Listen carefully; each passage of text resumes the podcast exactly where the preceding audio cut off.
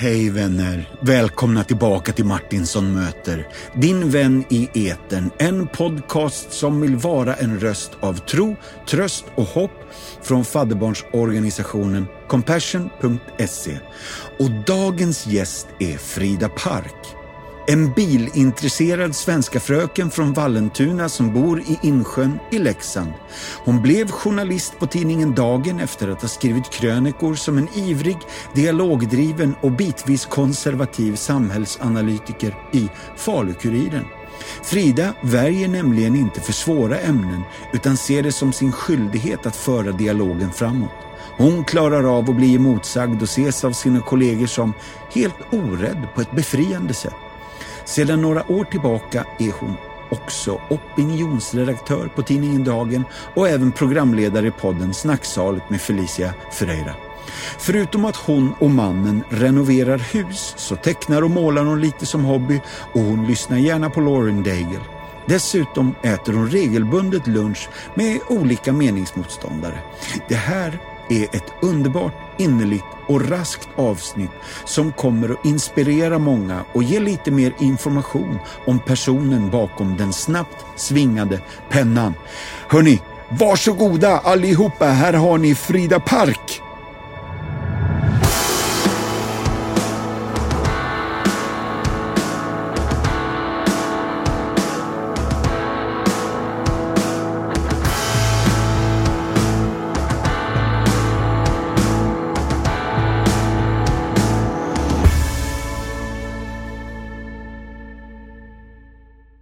Säger jag välkommen till Martinsson möter Frida Park. Tack Martinsson.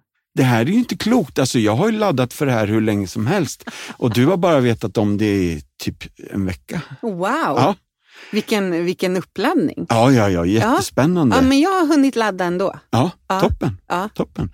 Jag har lite, inte snabba, men jag har fem frågor till dig här. Är du beredd? Oj, ja. Ester Jervis är bildform eh, och eh, pastor och lärare i Motala och hon undrar om du skulle kunna repetera en dag i ditt liv, vilken dag skulle det vara och varför?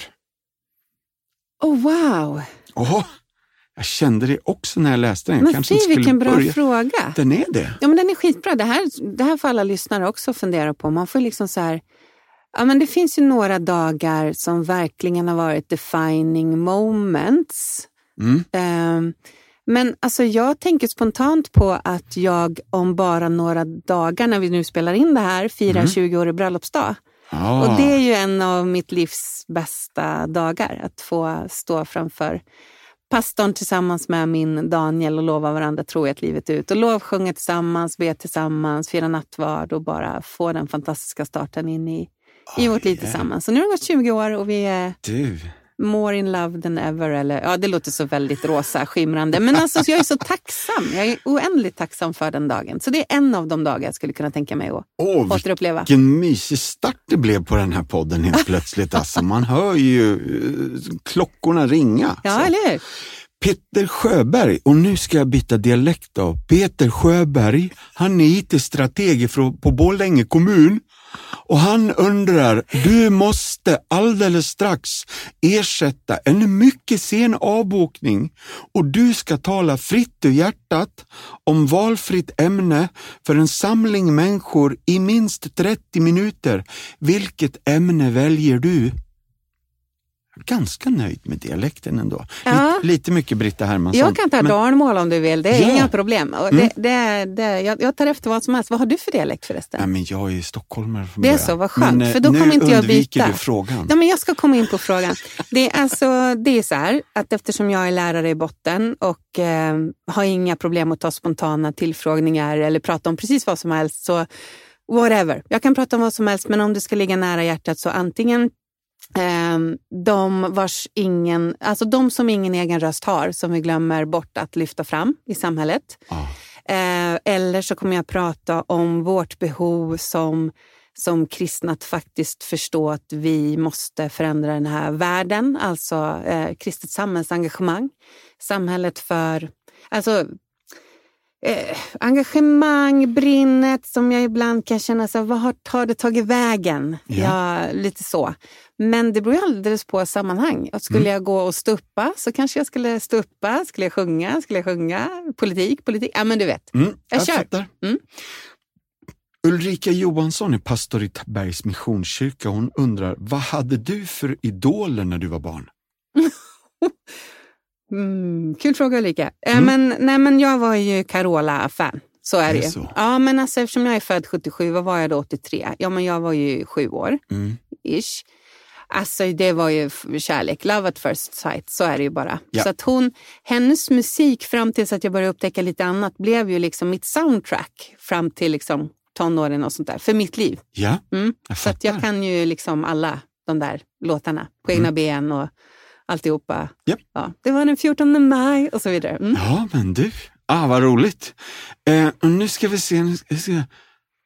Marie-Louise Nilsson. Hon bor i Göteborg, men hon jobbar med Alfa Sverige. Göteborg! Ja, och, men hon är från Skåne och Jaha. hennes, hon undrar vad är ditt favoritplagg? Plagg! Ja, favoritplagg. Eller vad klär du dig helst i och varför? Oj, jag kan säga att eh, om min man lyssnar på det här så kommer han kunna granska mig och säga om jag säger rätt eller fel. Jag kan säga så här att när jag åker till Stockholm eftersom jag veckopendlar, då sätter jag på mig kavajen och liksom jobbkläderna. Ja. När jag åker från Stockholm och åker hem och kliver innanför dörren, då sätter jag på mig mjukisbyxorna, helst pyjamasbyxor. Ja. Något riktigt skönt och bekvämt så jag bara liksom kan vara. Ja. Och det är det bästa jag vet. Så att, eh, det är nog mitt eh, favoritplagg. Mm. Men kavaj funkar också. vi tackar för det och Marie-Louise framförallt. Varsågod Marie-Louise. och, och femman här nu då är en är tjej som heter Mm. Sofia Karling. Mm. Och jag, jag, eh, eh, Sofia Karling hon bor i Göteborg men jobbar nu i Astrid Lindgrens värld. Och det avslöjar lite om frågan här faktiskt. Mhm. Om du, hon är smålänning, nu ska, nu ska vi se. Om du fick leva ett dygn i en berättelse eller en sagobok, vilken skulle det vara? Ja, vad underbart. Mm. Eh, Alltså jag älskar Astrid Lindgren, det gör jag. Och jag läser väldigt mycket. Men jag är också då eh, väldigt förtjust i kostymdraman. Jane Austen eller eh, Charlotte Bronte eller något sånt där. Så jag skulle nog välja ett kostymdrama av Ja. något slag. Kanske Stolthet och fördom. Ja. Mm. Vad känner du inför Downton Abbey? Jag älskar Downton Abbey. Ja men du, vad Ja. Både jag och min man. Det, är- så vi, vi, vi älskar att titta på saker tillsammans och sitta och dissa. Eller liksom så här. Men, Ja. men Downton Abbey är vi överens om att Ja. vi älskar den. Alltså det är så brighta dialoger Ja. i den. Så den är, och, och historia och dadarat. Nej men den är fantastisk. Ja, Du, tycker du om den? Ja, men jag gör ju det. Ja, Jag gör det alltså. Kul. Eh, Jag kom in ganska sent och sen fick min fru börja om helt Ja. enkelt. Det var ju många säsonger så hon var Jajamän. väldigt, väldigt och de snäll. är sevärda en gång till har vi märkt för vi har tittat om nu på alltihop. Jag är med. Jag är med. Ja. Men, eh, ja. Du, eh, alltså det var de första fem och jag tackar för det. Men sen är det också så, jag måste ta en sjätte fråga. Okej. Och den, den sjätte frågan kommer från en tjej som heter Frida Park. och hon undrar, vad skulle du vilja säga till ditt 18-åriga jag? Ja, Mm. Hmm. Ja, eh, jag tror att jag skrivit på det här temat någon gång, men då var det till mitt 25-åriga jag. jag. Jag backar lite då. Eh, nej, men 18 år, då hade jag vuxit upp i, i, eh, då, i en karismatisk eh, församling eh, där man kanske inte var så bejakande för kvinnliga ledare som hade skinn på näsan, utan eh, fick höra sånt som eh, att man kanske hade Isabels ande eller eh, ja, sådana saker. Så jag skulle nog säga, du, det kommer bli bra. Det, Gud har en plan för dig, Ja. fast du är kvinna. Mm. Japp. Åh, åh, vad spännande. Det här skulle jag vilja höra mer om. Men Ja, men det finns mycket att säga om det. Men dels det, men sen också det här liksom att Alltså för jag tänker att ibland så växer man upp som tonåring och man ser ner på sig själv rätt så rejält. Och man är så formbar från omgivningen och vad man får höra och vilka attityder. Och det behöver inte bara vara, alltså jag är jättetacksam för mina eh, alltså karismatiska rötter och jag har också vuxit upp i Equmeniakyrkan så jag är liksom lite dualistisk. Sådär. Men, men eh, det här med att liksom, man, man ser ner på sig själv, man har ofta dålig självkänsla och sådana där grejer. Bara få höra att ah, men du, den här sidan av dig själv som du tror är helt kass, det behöver bara slipas lite och det kommer ske av sig självt. Gud kommer skicka människor i din väg och sen kommer det vara din största gåva. Ja. Det som bara kommer i funktion en vacker dag. Liksom. Ja. Så jag har ju fått höra både att jag borde lära mig underordna mig alla män, och att jag borde backa och jag borde bli mjukare. Och jag borde... Men alltså det här som fanns i mig, att stå upp för emot orättvisor och stå upp för dem som ingen egen röst hade eller liksom säga ifrån när jag såg som, som var fel. Idag är ju det jag jobbar med. Idag Ja. är det en gåva. Då sågs det som någonting fel och någonting som jag borde göra upp med. Ja. Men det var, det var inte så. Utan jag behövde få mogna och få mentorer och få komma i funktion. Och så i rätt tid så blev det precis det som blev Guds gåva rakt in i rätt sammanhang. Så liksom, var inte så himla hård på dig själv skulle jag nog säga. Utan vet du, det är du som tror är problem nu, det kommer bli din största styrka. Åh, vad häftigt. Du, eh, nästa fråga vet jag att du kan svaret på 18 januari 1977. Vad händer då? Jo, klockan 18 minuter över 18 den 18 januari 1977 så föddes det en 53 centimeter lång flicka. Jag var lång redan då, jag är lång idag också. Ja, Ja, så jag kör liksom nummer 18 på allting. ja Mina sista väldigt- siffror innehåller också 18. Jag bor Självklart. på nummer 18, på min väg i Insjön. Ja. Och, och, Vad är mitt alltså, favoritnummer? Gissa. Nej. men, men alltså var, var är det här då? Är det Insjön redan då? Som jag föddes? Ja. Nej, Danderyds sjukhus. Ja, men precis. Jag är ju Roslagskulla från början, inte Dalkulla. Nej, precis. För det här har jag liksom lite dålig koll på. Ja, ja. Eh, eh, vart växte du upp? Jag växte upp i Vallentuna utanför Stockholm. Ja, Mm. Vi var med i Missionskyrka där. aha, Mm. då är jag med. Och redan tidigt så fanns det ett bilintresse. Nej men hjälp. Ja, det gjorde det. Vad i all världen? Ja, det fanns ett bilintresse. Jag Ja. har en far som är väldigt intresserad av amerikanare. Eh, Ja. och eh, jag, jag tror att eh, många barn blir sådär, alltså min pappa gillar tåg, då ska jag bli lokförare. Och, Ja. nej, men jag, har, jag gillar bilar. Jag har alltid gillat bilar. Det är liksom Jättegött. en, ja, det är en sån grej. Så när det ska till en ny bil i familjen, Ja. är det du som liksom triggar på det här? Förlåt älskling, ja, Ja, Jag sa det till min man. Alltså. Ja, jo, jag men eh, jag taggar på alla och jag läser på och donar och det är jag som provkör och så, så är det. Mm. det här är superkul. Mm. Men, men är, det så, är, det så, är det regelbundna bilbyten i familjen Park? Att, Nej, vi är ganska trogna med tills de liksom, vi kör slut på dem. Ja. Jag skulle egentligen vilja vara en sån som bytte lite oftare för Ja. eftersom det är så kul med bilar. Men det är så himla jobbigt de här processerna också. ja, Så jag, jag får liksom en liten relation till min bil.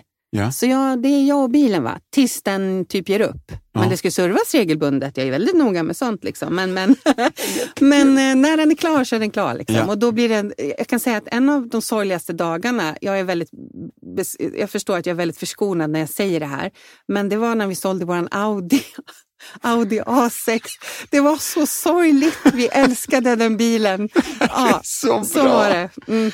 Ja, det här var mer än vad jag hoppades på, men tack för att du delar Frida. Alltså barndomen är i Roslagen Mm. och när är det liksom, är det något, är det samhällsprogrammet?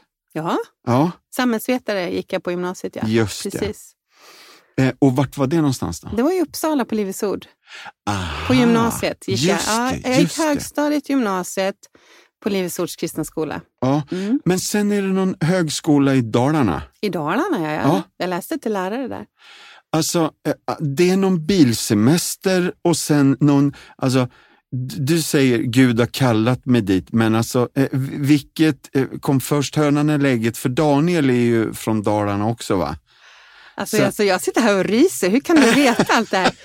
Eh, nej, men det är faktiskt så här, om man får bli lite andlig då, Ja. så var det så att jag insåg ju efter ett tag att eh, det här drivet att påverka och göra världen till en bättre plats för de som inte har det så bra, att det kanske är någonting jag ska springa på. Ja. Så jag ville läsa polmag, alltså statsvetenskap på Uppsala universitet. Mm. Och sen så tänkte jag så här, äh, men jag vill bli statsminister. Vi bara siktar liksom mot stjärnorna, vi Ja. kör så. Eh, och sen så gick jag bibelskola och så står jag och leder lovsång och sen så bara får jag ett tilltal via någon annan som jag bara fattar att jag ska inte alls läsa statsvetenskap. Gud har något annat för mig. Mm. Och sen så, eh, för att göra en lång historia kort där, så bara börjar ringa läxan i mig. Läxan, läxan, läxan. Det är så? Ja, visst ja, men du. Så jag, jag går till min ungdomspastor och säger så här, du, det bara ringer läxan i mig. Vad tror du det kan betyda? Och han då vis, tittar på mig med, med lite huvudet på sned och säger, vad tror du själv? liksom. Mm, mm. Och då är jag så barnslig med tro, Mattias. Och då gör jag så här, okej. Om Gud vill att jag ska flytta till Leksand, då får han ordna jobb och bostad. Jag gör ingenting. Så jag håller helt tyst. Jag säger inte till någon att jag funderar på det här och så börjar det ringa. En människa som jag inte har en aning om vem det är. Som säger så här, du, vi har en kristen skola, den finns fortfarande kvar uppe i, i Leksand. Du, jag vet inte riktigt vem du är, men eh, är du intresserad av att komma och vicka lite så här? Eh, så. Mm. Ja, ja, ja, fast jag har ingen, Är du ingen utbildad bostad. lärare nu? Nej, nej, nej. Nej. Jag är inte, nej, inte alls. Utan det här är så, det här är så verkligt så jag, nej. Och sen så ringer en annan människa eh, som säger så här. Du, jag har en etta mitt i centrala Leksand och jag ska flytta, men, men jag vet inte vem du är. Men är du intresserad av att ta över den? Och då, då hör till saken att jag har ju kollat lite och det finns inga ettor i Leksand lediga. Det är 250 pers i kö före mig.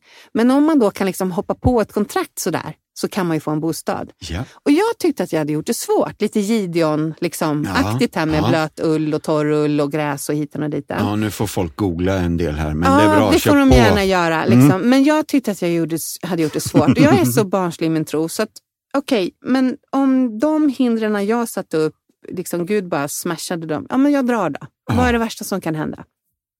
Och jag behövde bara bo i Leksand en månad eller så, så visste jag att wow, det är så vackert här. Det är helt fantastiskt. Jag kan bo här för resten av mitt liv om Gud vill att jag ska det. Ja. Eh, Så det här med att jag träffade Daniel, det hände ju, det hände ju senare. Okej. Ja, ja. Ja, ja, ja. Jag tror inte ens han var frälst när jag liksom. flyttade upp. Ja, häftigt. Ja, det blev han nog sen faktiskt. Ja. Mm.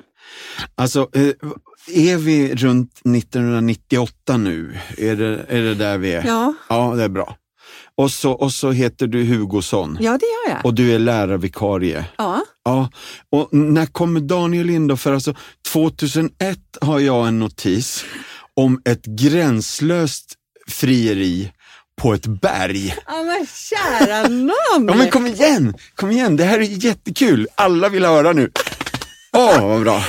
Åh, gode tid. Mm. Nej, men jag träffar Daniel första gången på, han är alldeles nyfrälst uppe i det blå och då så träffar jag honom och så säger, säger han så åh det är så härligt att vara frälst, det var så underbart här, jag bara känner att huvudet är uppe i himlen och jag bara, det, det är bra om man har fötterna på jorden, säger jag. Mm. Ja, men det, det, så, det blev ingenting då kan man säga och inte Mm. var det något sånt. Men eh, midsommar är ju heligt i Leksand. Det vet ju alla. Ja, det är ja. liksom st- stora majstången och 20-30 000, jag vet inte hur många pers som firar Men där är det i liksom gropen. dollardräkt och hela grejen? Jajamän, och fiol och grejer. Va? Ja, ja. Eh, men då var det så att jag skulle ansvara för kyrkornas eh, musiksatsning. Alltså alla kyrkor gick tillsammans, alla ungdomar skapade en kör och han skulle ha hand om alla musiker. ja, Och då måste ju den som leder kören och den som har hand om musikerna samarbeta. just det. Och ljuvmusik uppstod. Ja, Men det började alltså i ett samarbete, det började som en fantastisk vänskap, vi sökte Gud tillsammans, vi bad tillsammans och sen så, det här frieriet du berättar då, det är ju en klass för sig. Han lurar ju upp mig, inte på läktaren utan på ett berg ja. Totalt. På ett berg med fantastisk utsikt över Siljan och där, jag fattar inte ens vad vi gör där, jag är kissnödig, vill hem och äta frukost. Men, men liksom, han har hämtat mig i min lägenhet på morgonen i en bil som knappt startade och vi åker upp på berget. Och där, när vi står och tittar ut, det är oktobermorgon, alla gnistrande färger, så här, ni vet, dimma och, och dagg, hela faderuttan. Så går han ner på knä och citerar allt vad brudgummen säger till bruden i Höga visan utan till. Ni vet jätter och, och pelare och Libanon och sedrar. Ja. Alltihopa utan till för mig. Är så bra! Och jag vill bara räcka upp handen och säga alla som lyssnar, ni börjar veta att det är åtta kapitel i Höga Visan alltså. Ja, det är mycket kan jag säga. Ja men tjena. Och när han väl var klar så hade jag ju liksom, eftersom jag fattade vart han det barkade då, ändå fattat att, så jag stod liksom beredd. Och så när han var klar och så ställde han frågan så bara skrek jag ut över bergstopparna, ja! Ja, Så. visst. Nej, det var fantastiskt. Och han hade ju dessutom provat ut en ring till mig genom att ta min lilla ring och pröva på sitt finger var den fastnade någonstans. Så den, Ja. här, den här som du ser nu då, Mattias, den här, Ja. Den hade han prövat ut så den passade perfekt på mig. Det var bara att trä på ringen. Alltså den här Daniel behöver Han hade, vi ju träffa dessutom också. åkt, han hade dessutom åkt hem till mina föräldrar i förväg, som Mm. jag inte heller visste om, Nej. och frågat om han fick eh, deras dotters hand. Ja, ja, ja, Varpå visst. pappa svarar, vill du bara ha hennes hand? Ska du inte ha Ja. resten också? Ja, typiskt min pappa. Och jättebra. Alltså, det var bra att han gjorde det med tanke på att annars är det ju lite wasted att ha pluggat hela Höga Ja, ja, Visan, verkligen. åtta kapitel. Fantastiskt, Det vilken är grej historiskt. alltså. Men apropå att jag sa då att jag är tacksam för den där dagen för 20 år sedan. Ja, Frieriet kan jag också uppleva igen, det var fantastiskt. ja. Ja. jättefint. Och alla läxingar kan då veta att Daniel är son till Sven Park. Ja, Ja. Och så bröllop 2003 heter det Ja. idag. Mm. Mm. Och det är ju, alltså, det måste ju vara någon gång i sommar här nu då. ja. Ja. 24 maj. Aj, aj, aj. Mm. Fantastiskt. Och ni har tre barn. Ja, vi har ju det. Och hur gamla är de här nu då? 18, 15 och snart 10. Och hörde ni det på 18? 18. Ja, gött. Alltså, det var kröniker om konservativa samhällsanalyser Ja, i Falu-Kuriren eller? ja. Och sen Dalarnas Tidning. ja, det är samma sak kan man säga. Det- Okej, Ja, precis. och, och chefen heter Jens. Ja, Ja, och, det, eh, och då är du mamma och lärare och, Mm. och, och, och allt sånt. Och bor i... Insjön. Ja. Eh, och om man då tänker... Alltså, nu blir det en väldigt stor fråga. Vad, vad skulle du säga är ditt, ditt varför? Liksom, ehm, ja, vad, vad är grejen? Mm. Eh, mitt varför. Vi pratar ibland, jag och min man, sådär, och liksom tycker om att drömma tillsammans och, och prata. Ja, men vad ser vi våra liv om tio år? Och någonting som liksom alltid återkommer är att ja, men både han och jag, men framförallt jag, alltså jag är väldigt driven till att jag vill göra den här världen till en bättre plats. Framförallt, som jag sa förut, för de som ingen egen röst har. Jag har liksom med mig sen modersmjölken någon slags rättspatos. Jag, det gör ont i mig när jag ser människor som lider. Det gör ont i mig när barn far illa. Mm. Eh, och när jag var i den åldern, ungefär där 18-19, som du frågade om vad jag skulle säga till 18-åringen, och jag funderade över, ja, folk vill bli missionärer och de vill liksom bli pastor. så här, lovsångsledare, ja, men så här typiskt kristna grejer. Vad vill jag ja, bli då? Ja. Och då hörde jag en predikan som handlade om liksom så här, ja men vad gör dig ledsen? Vad gör dig vansinnigt arg? Vad, vad får dig att tända på alla cylindrar? Och då, Ja. då, för- alltså det är när barn far illa på något sätt. Ja. Och det har liksom varit som en röd tråd i att, alltså både varför jag valde läraryrket, varför jag under en period var dagmamma. Jag vill liksom bara bidra till att både våra kyrkor, vårt samhälle, familjerna, bara, om barnen får det bra och framförallt de som har det riktigt, riktigt tufft. Vi ska ju inte vara naiva kring att, alltså ibland så här, du vet, förlåt, en liten utvikning. Eh, man går runt och tar en mysig kvällspromenad och tittar in i fönstren och så liksom, åh vilka mysiga lampor och trevliga gardiner och, och pelargon och sådär liksom. Mm. Och så någon gång så var det som att Gud liksom tillrättavisade mig lite att ja, men innanför det du ser i fönstret så är det ren misär. Mm.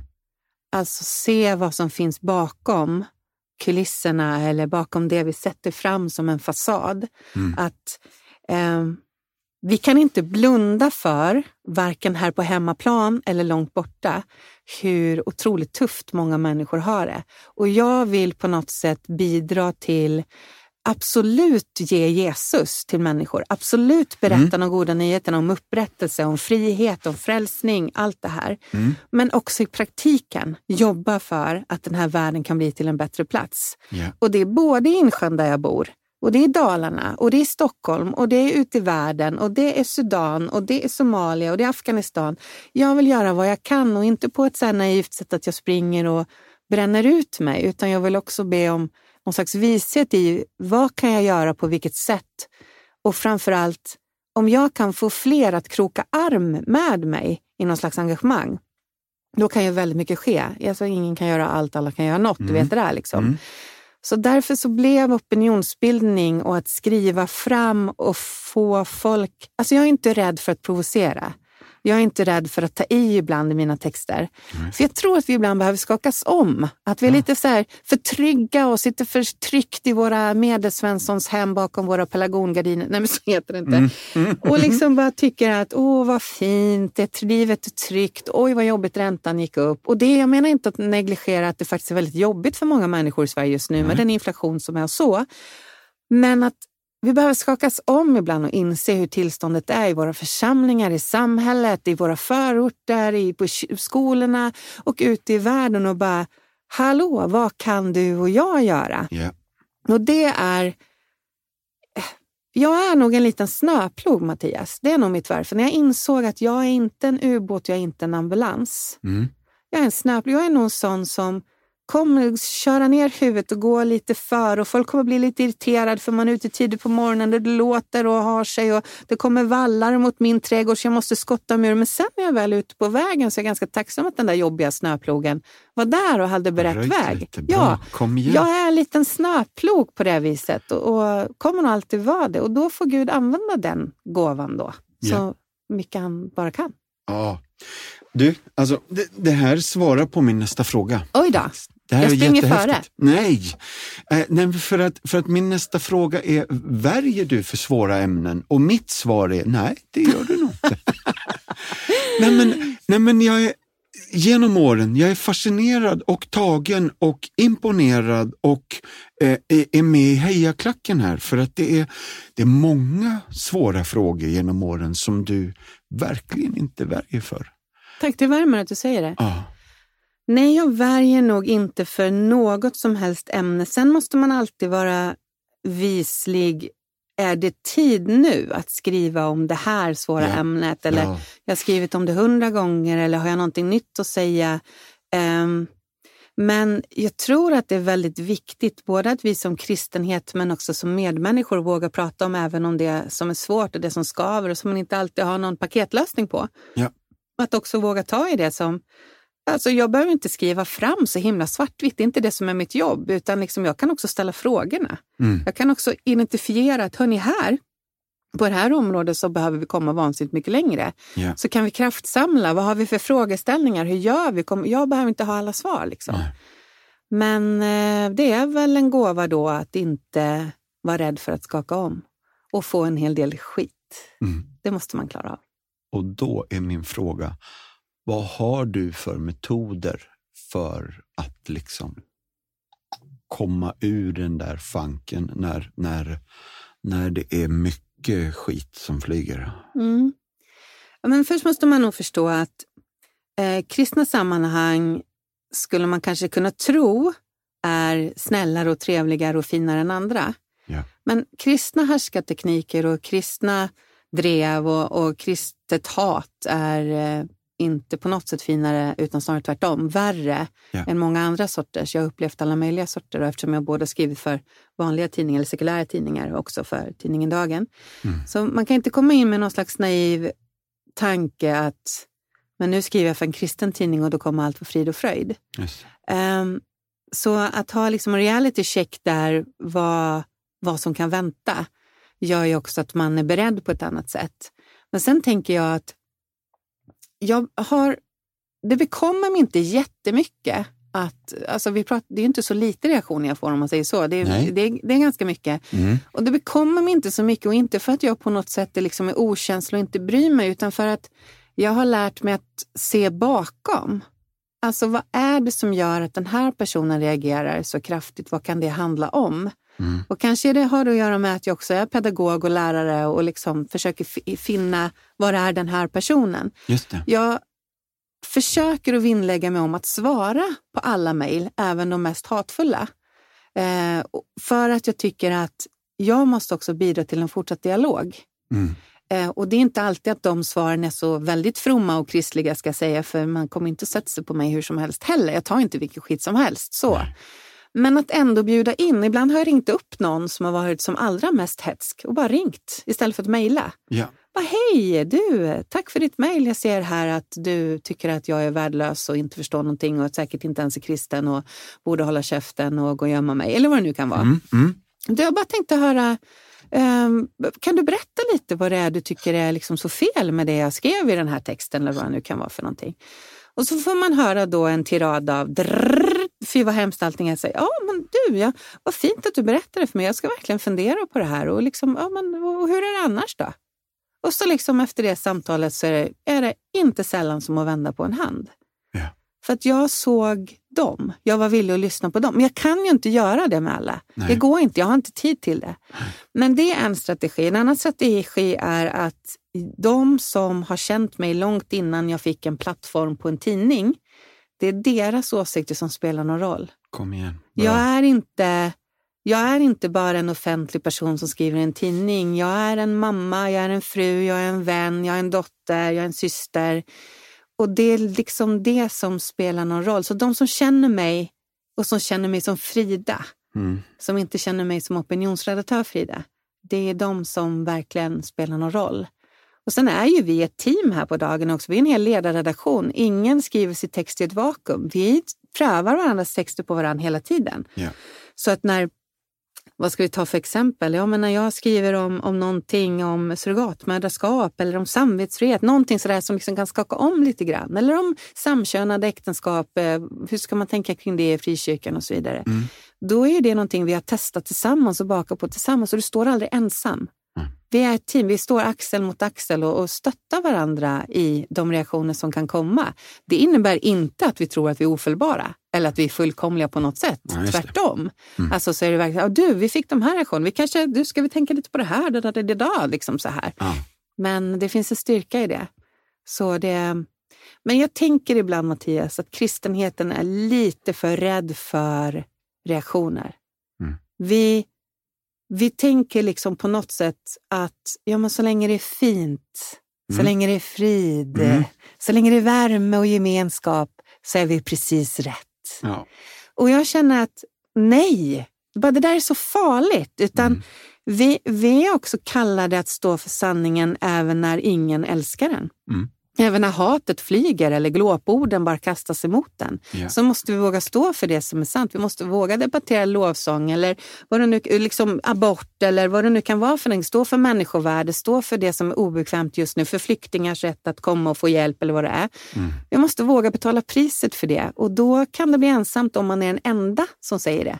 Men om vi är många som står tillsammans, och det tänker jag ibland att ja, men jag är ju utsänd från hela kristenheten på Ja. något sätt. Ja. alltså, nu menar inte jag att alla håller med mig, men Nej. att det känns ibland som att jag har en styrka i det, att jag inte är ensam i det jag skriver. Ja. Och det vet jag ju också. Jag har ju fantastiskt många som hör av sig och tackar och som känner att, att du vågade skriva det där gav mig mod i den situationen. Att faktiskt argumentera för varför vi tror som vi gör. Mm. Och det ger ju otroligt mycket tacksamhet hos mig, att jag ger andra mod. Snöplogen, vet du. Ja. Det här är ruskigt spännande och det här låter ju som att det här är själva anledningen till, till, till det du har valt att kalla lunch med park. när, när, när du eh, ringer upp de där lirarna och säger, du, ska vi ta en lunch? Ja, fast jag måste korrigera. Det är oftast de som ringer mig. Är det så? Ja. Aha, Mm. häftigt. Mm. Jättekul. Alltså, eh, allergisk mot ägg, är det så? Ja, ägg, skaldjur, pälsdjur, hasselnötter, pollen, björk just nu, Mm. aktioprosit. Ja. Ja, jag fick en rejäl dos av min törntagg kan man säga. Det är liksom allergierna. Men jag lever än så länge. Men du, det har varit allvarligt Mm. några gånger till och med va? Mm, det har det. Så är det. Mm. Har du en spruta i väskan? Ja, ja, faktiskt Ja. det. Det har jag inte alltid haft. Men, och jag är lite för feg att ta den, fast jag borde göra det. Men Ja, det men har känna- blivit ganska många sjukhusvändor. Det, det går fort, framförallt med ägg. Ja. Så är det så. så att det, Men du har aldrig skickat runt den och låtit kollegorna få reda på att den här Jo. ska ni... Jaha, ja. där sitter den. Ja, men jag, det har jag talat om för kollegorna. De behöver veta om det, för att om det går väldigt, väldigt fort så då behöver de sticka sprutan i låret på mig. Ja. Så är det ju. Mm. Men, det, men som sagt, det har varit otaliga gånger som jag har varit väldigt, väldigt nära och haft anafylaktiska chocker och grejer. Men jag har överlevt. Jag har varit, inte bara på grund av allergi, men jag har också andra händelser där jag liksom varit väldigt, väldigt nära döden och sett döden i vitögat. Jag fick proppar när jag väntade mitt första barn, alltså i lungorna. Men du... Så det var bara en hårsmån ifrån. Och det har också gett mig en, ska säga en, både en ödmjukhet inför att jag lever, en tacksamhet och också vilja bevara varje, varje tillfälle jag får. Ja. Det som Gud har lagt på mitt hjärta. Men också en slags, jag vet inte hur jag ska, det kanske låter fel, men en slags respektlöshet inför att jag är inte så rädd för att dö. Mm. Det, jag, det, jag är inte det, därför att jag har varit där. Jag har varit där väldigt, väldigt nära. Sen så fick jag jobba med, jag fick en posttraumatisk stressyndrom efter de här eh, propparna i lungorna. Det var massa mer kring det, jag behöver inte gå in på det. Men i alla fall fick jobba med posttraumatiskt stressyndrom. Och när jag insåg att jag var extremt, extremt nära att dö. Men jag kunde också gå in i mina minnesbilder och se i varje given situation där, när läkarna stod böjd över mig och försökte rädda mitt liv, så kunde jag se att Jesus stod vid min sida.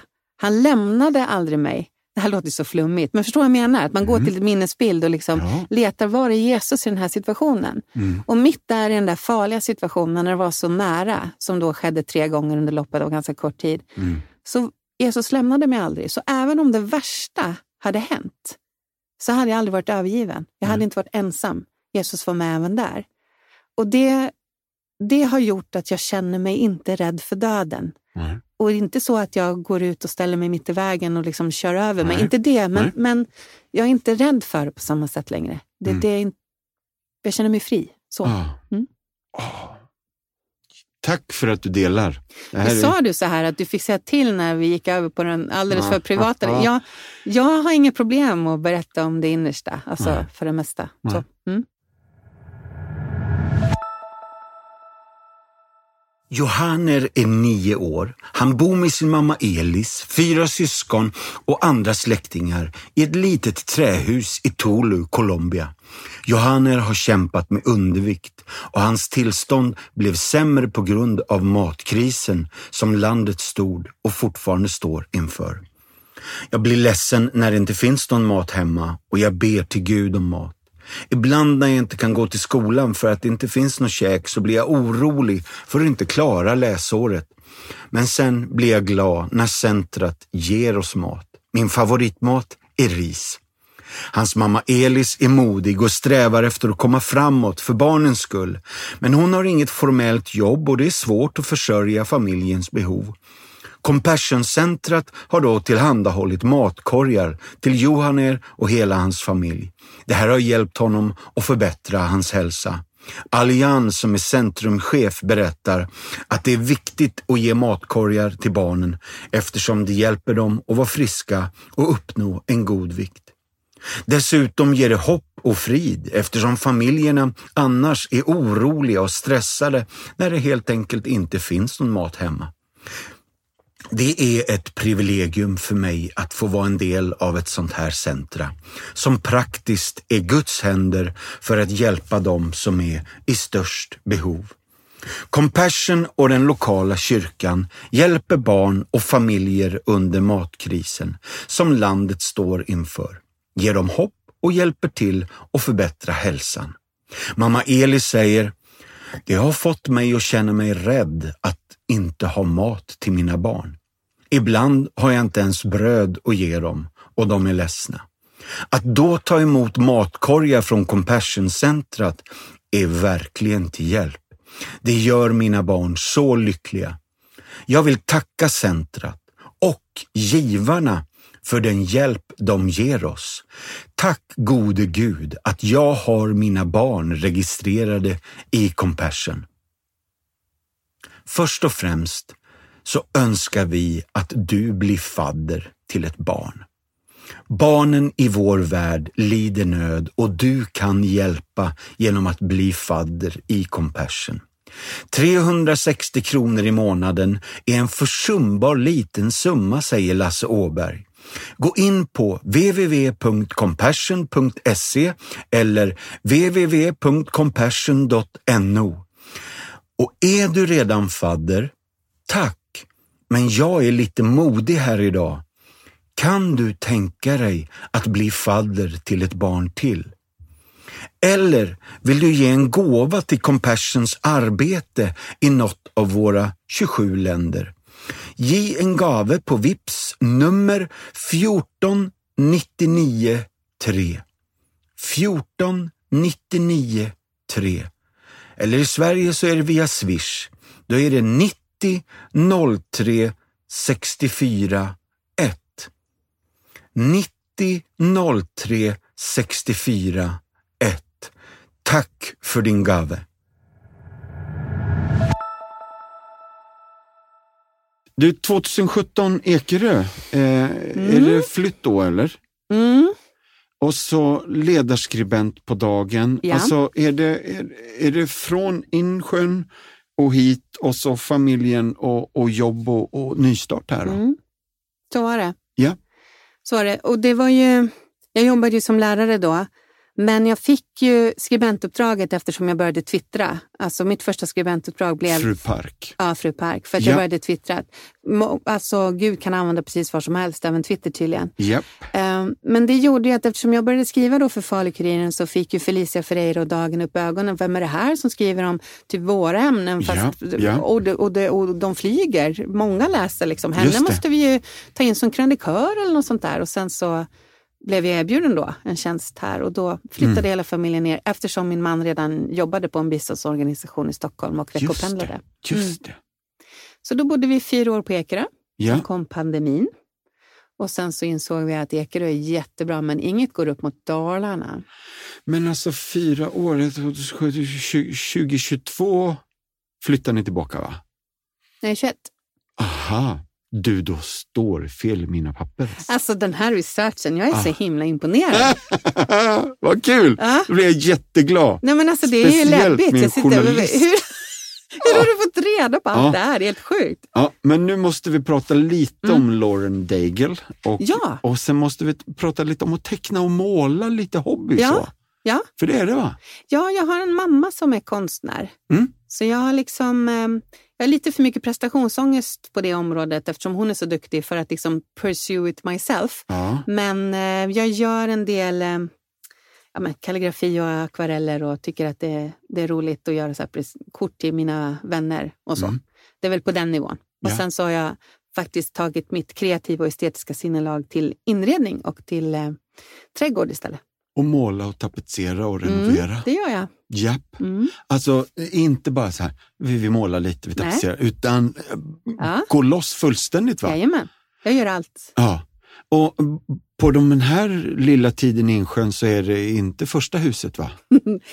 Nej, alltså, nej det är det inte. Nej. Det, det fanns ju inga hus i Sale efter pandemin eftersom alla ville flytta ut till landet. Så vi fick ju mellanlanda i en, i en liten tegelvilla som vi renoverade från golv till tak och Ja. sen sålde och så köpte vi ett Ja. lite större. Ja. Så är det. Och sen 2020 är det opinionsredaktör på Mm. dagen. Precis. Och det är programledare i Snacksaligt med Felice Ferrari. eh, Ferrari. ja. Det var ett bra smeknamn på henne annars. Det det. är fart och driv och go i henne. Mm. Alltså, Men jag Mm. blev lite nöjd när jag skrev det faktiskt. Ja. Så jag tackar, tar emot. Mm. Det var väldigt roligt. Men du, mm. eh, nu börjar vi snart gå ner för landning och då vet du att här kommer liksom Bono-frågan, Moder Teresa-frågan. Eh, Frida Park, eh, eftersom det är dig vi har här idag så undrar vi från Compassion, hur tycker du att vi ska utrota fattigdomen i världen? Bono-fråga, vad snyggt. Mm. Ja. Mm.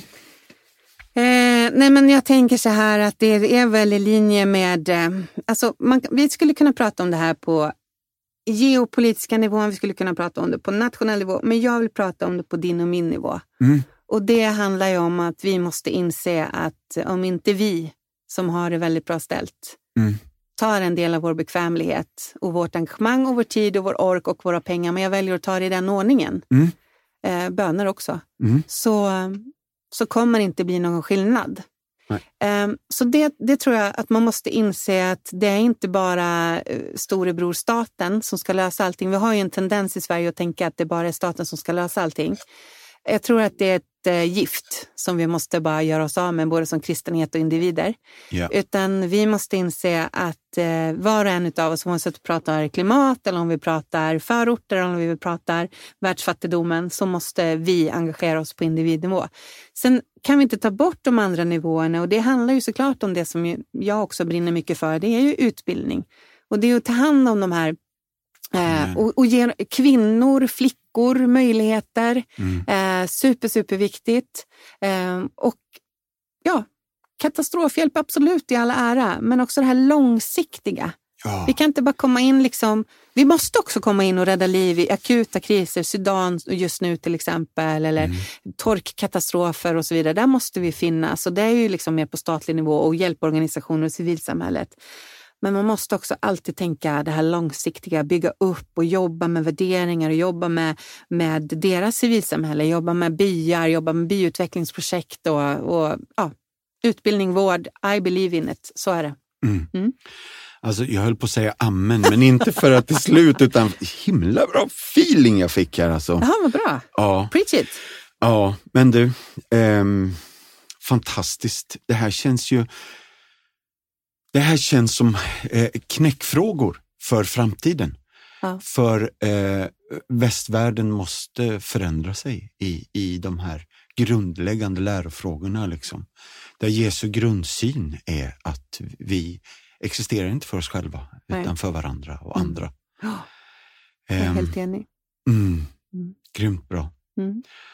Ja, men du... eh, Du, eh, du, du, du. Mm. Du nämnde Lauren Daigle. Ja, Sen sa du inget mer om henne. nej men då får du berätta mer om henne. Ja, då måste jag säga att eftersom jag lyssnar på din podd då och då Ja. så vet ju jag att du brukar fråga om man vill ha någon middag med någon ibland. Aha. Och då är det så att det tyckte jag var en så himla svår fråga och rolig fråga så då har jag klurat på den och så kom aldrig den frågan så Ja, nu bara du. protesterar jag.